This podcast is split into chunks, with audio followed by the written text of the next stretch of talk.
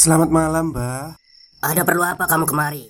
Eh, saya pengen punya podcast, Mbak. Biar pacar saya makin cinta sama saya. Loh, loh, loh. Mau bikin podcast kok tanya dukun? Sekarang kamu download aplikasi Anchor.fm. Di situ kamu bisa buat podcast gratis dan podcast kamu bisa didistribusikan ke platform mana pun. Dan di aplikasi atau website Anchor.fm juga terdapat fitur-fitur yang memudahkan kamu untuk membuat podcast. Oh, gitu ya, Mbak. Kalau gitu, saya boleh minta password wifi-nya, Mbak. Buat apa? Buat download Anchor.fm, Mbak.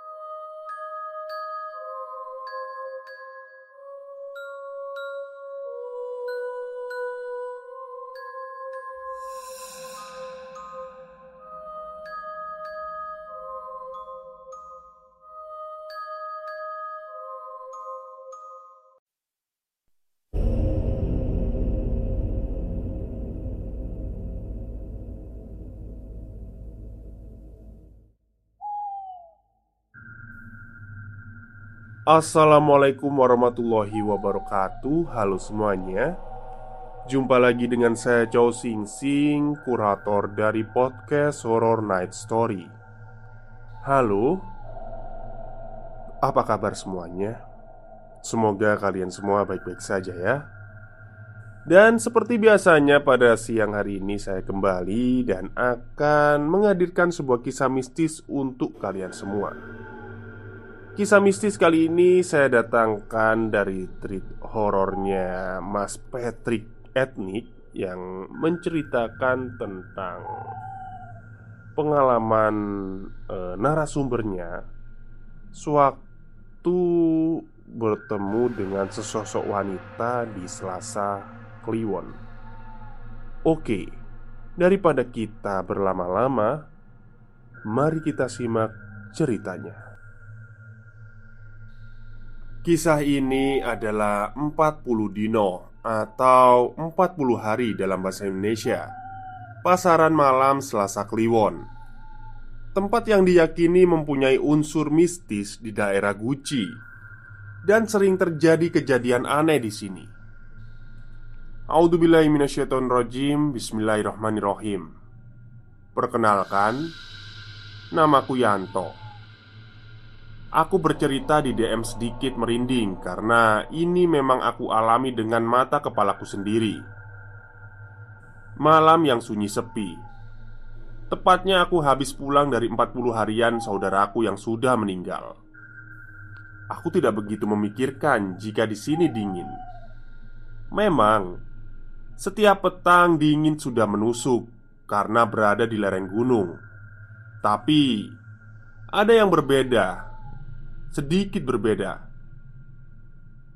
Aku tak tahu apa itu, dan aku tidak menghiraukannya. Ya sudahlah, aku keluarkan rokok untuk sekedar menghilangkan rasa dingin. Sembari berbincang dengan temanku Tono di bangku semencor di dekat pematang ladang. Eh, Ton Kamu nggak kedinginan? Aku bertanya pada Tono Yang hanya memakai kaos oblong dan sarung. Ya, dingin lah. Tapi gimana ya? Dinginnya itu beda. Agak ada gerah-gerahnya gitu. Ya, memang beda sih. Mungkin emang efek pancaroba. Jadi, memang dinginnya beda. Lama kita berbincang dengan obrolan anak muda. Sayup-sayup terdengar langkah kaki. Tono berkata pelan, "Eh, kamu denger gak? Dengar apa, Ton?" Aku menepis kata Anton, tapi diam sejenak aku dengarkan ada langkah kaki yang mendekati kami. Samar-samar terlihat seseorang yang mendekat kami. Aku dan Antom dia melongo dan memperhatikan penuh cemas Karena ini sudah memasuki jam 23.00 Apalagi ini sudah masuk tengah malam. Penduduk lain sudah pasti terlelap di kehangatan rumah masing-masing. Karena memang dari maghrib biasanya daerah ini sudah sepi. Meski dibilang dusun kami paling ramai dari dusun yang lain di daerah ini, tak mungkin ada yang berani keluar kecuali pemuda gila seperti kami. Eh, ini malam apa, Toton? Tanya Tono berbisik pelan. Ini malam Selasa loh. Ucapku sedikit menekan. Lah iyo, Selasa apa? Tanya Tono sedikit cemas dan keringat dingin Ini Selasa Selasa Kliwon Ucap kami bersamaan Tubuh serasa lemas dan udara dingin serasa tidak ada harganya. Kami cemas sekali. Asuh. Kenapa juga kita keluyuran pas waktu ini? Makanya Pak Lek tadi nyuruh langsung pulang. Jangan mampir-mampir. Ucapku sedikit menyesal karena baru ingat pesan Pak Lek tadi. Kami was-was Karena di malam Selasa Kliwon dan malam Jumat Kliwon Dedemit akan muncul. Dan mereka akan menganut pesugihan. Maksudnya mereka yang menganut pesugihan Akan berkeliling mencari tumbal.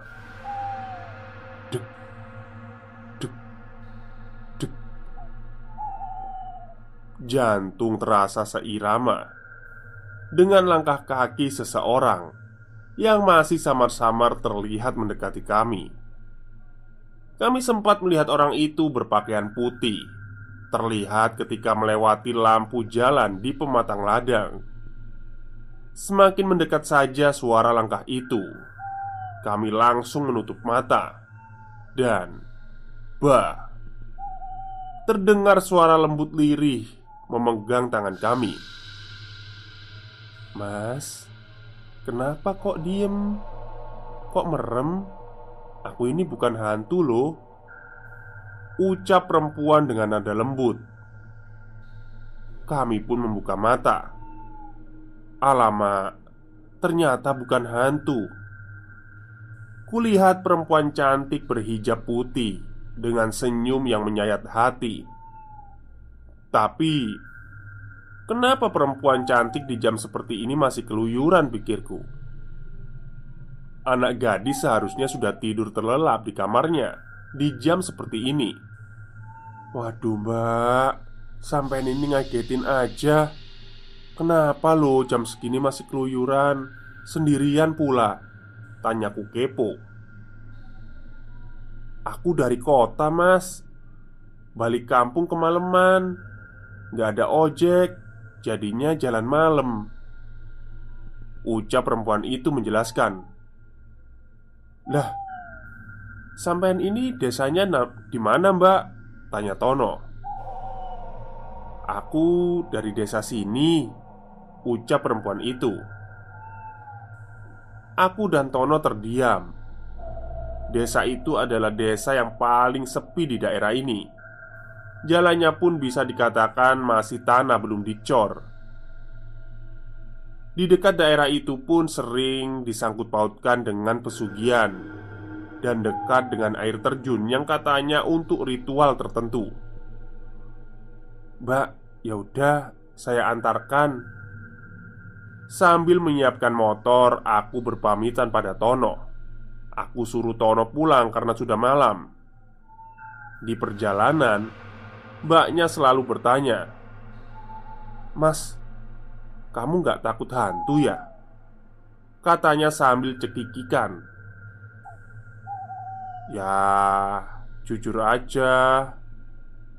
Aku gak takut. Orang ada temennya. Hehehe.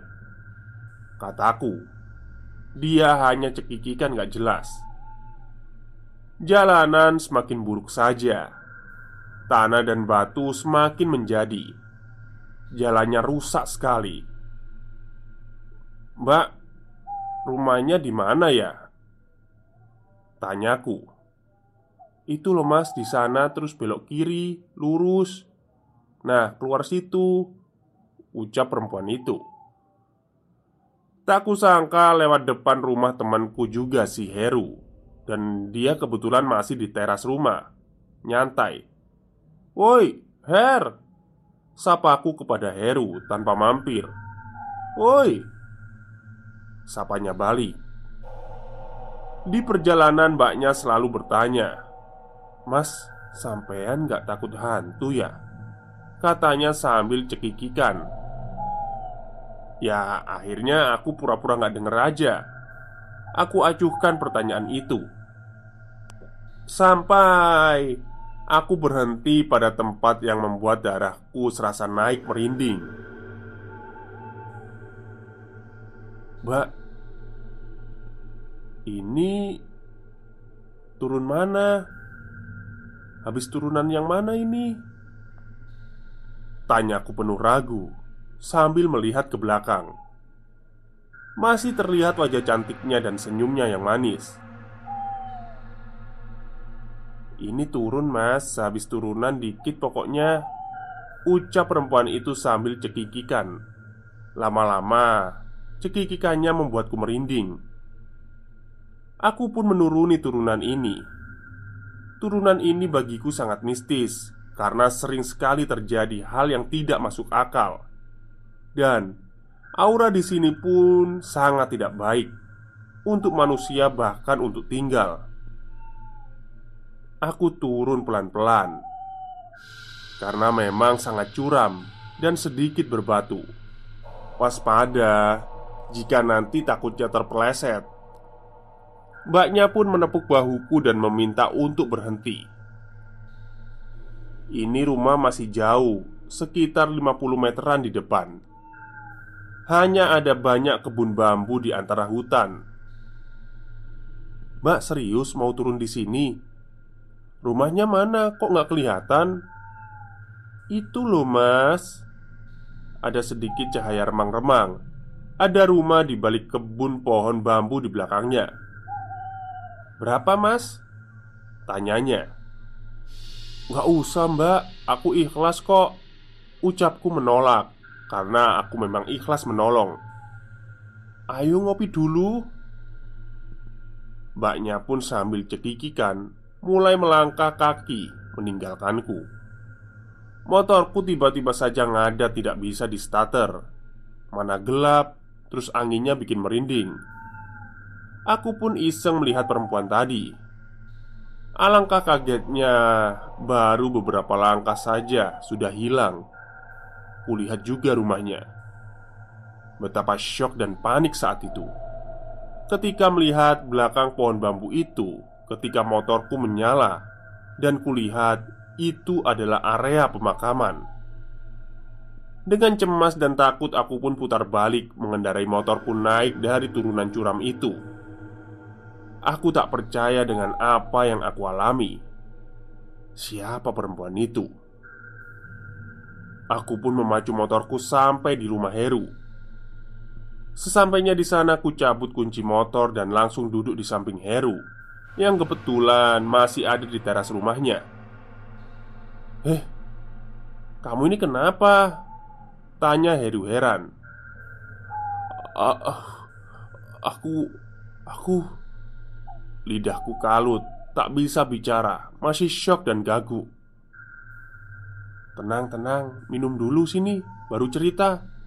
Ucap Heru memberikan air minumnya. Aku minum mungkin satu liter aqua tapi masih pucat lemas. Kemudian aku menceritakan pada Heru bahwa aku tadi baru saja mengantarkan perempuan ke daerah turunan itu, dan Heru tidak percaya. Her, apa kamu nggak lihat pas aku nyapa kamu? Stop, stop, kita break sebentar. Jadi, gimana? Kalian pengen punya podcast seperti saya? Jangan pakai dukun, pakai anchor. Download sekarang juga gratis. Enggak. Aku lihatnya kamu sendiri ngomong sendiri kayak orang goblok. Gila ya, kamu berani sendirian tu lewat turunan itu? Ucap Heru dengan nada tinggi.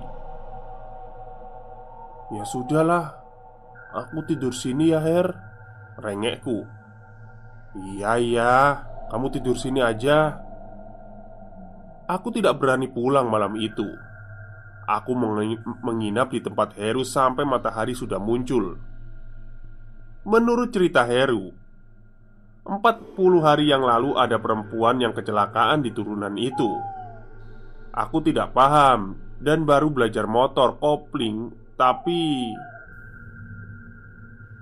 Oh maksudnya nih Perempuan ini uh, Baru belajar motor Terus naik di tanjakan itu Tiba-tiba mundur terus meninggal tertusuk bekas potongan bambu Tepat di area perut dan dada. Kebetulan juga aku memakai motor Pak Deku yang malam itu 40 hari dan wanita itu juga genap 40 hari meninggal. Cerita dari banyak mulut meninggalnya kurang wajar. Sepertinya dia adalah tumbal untuk pesugihan.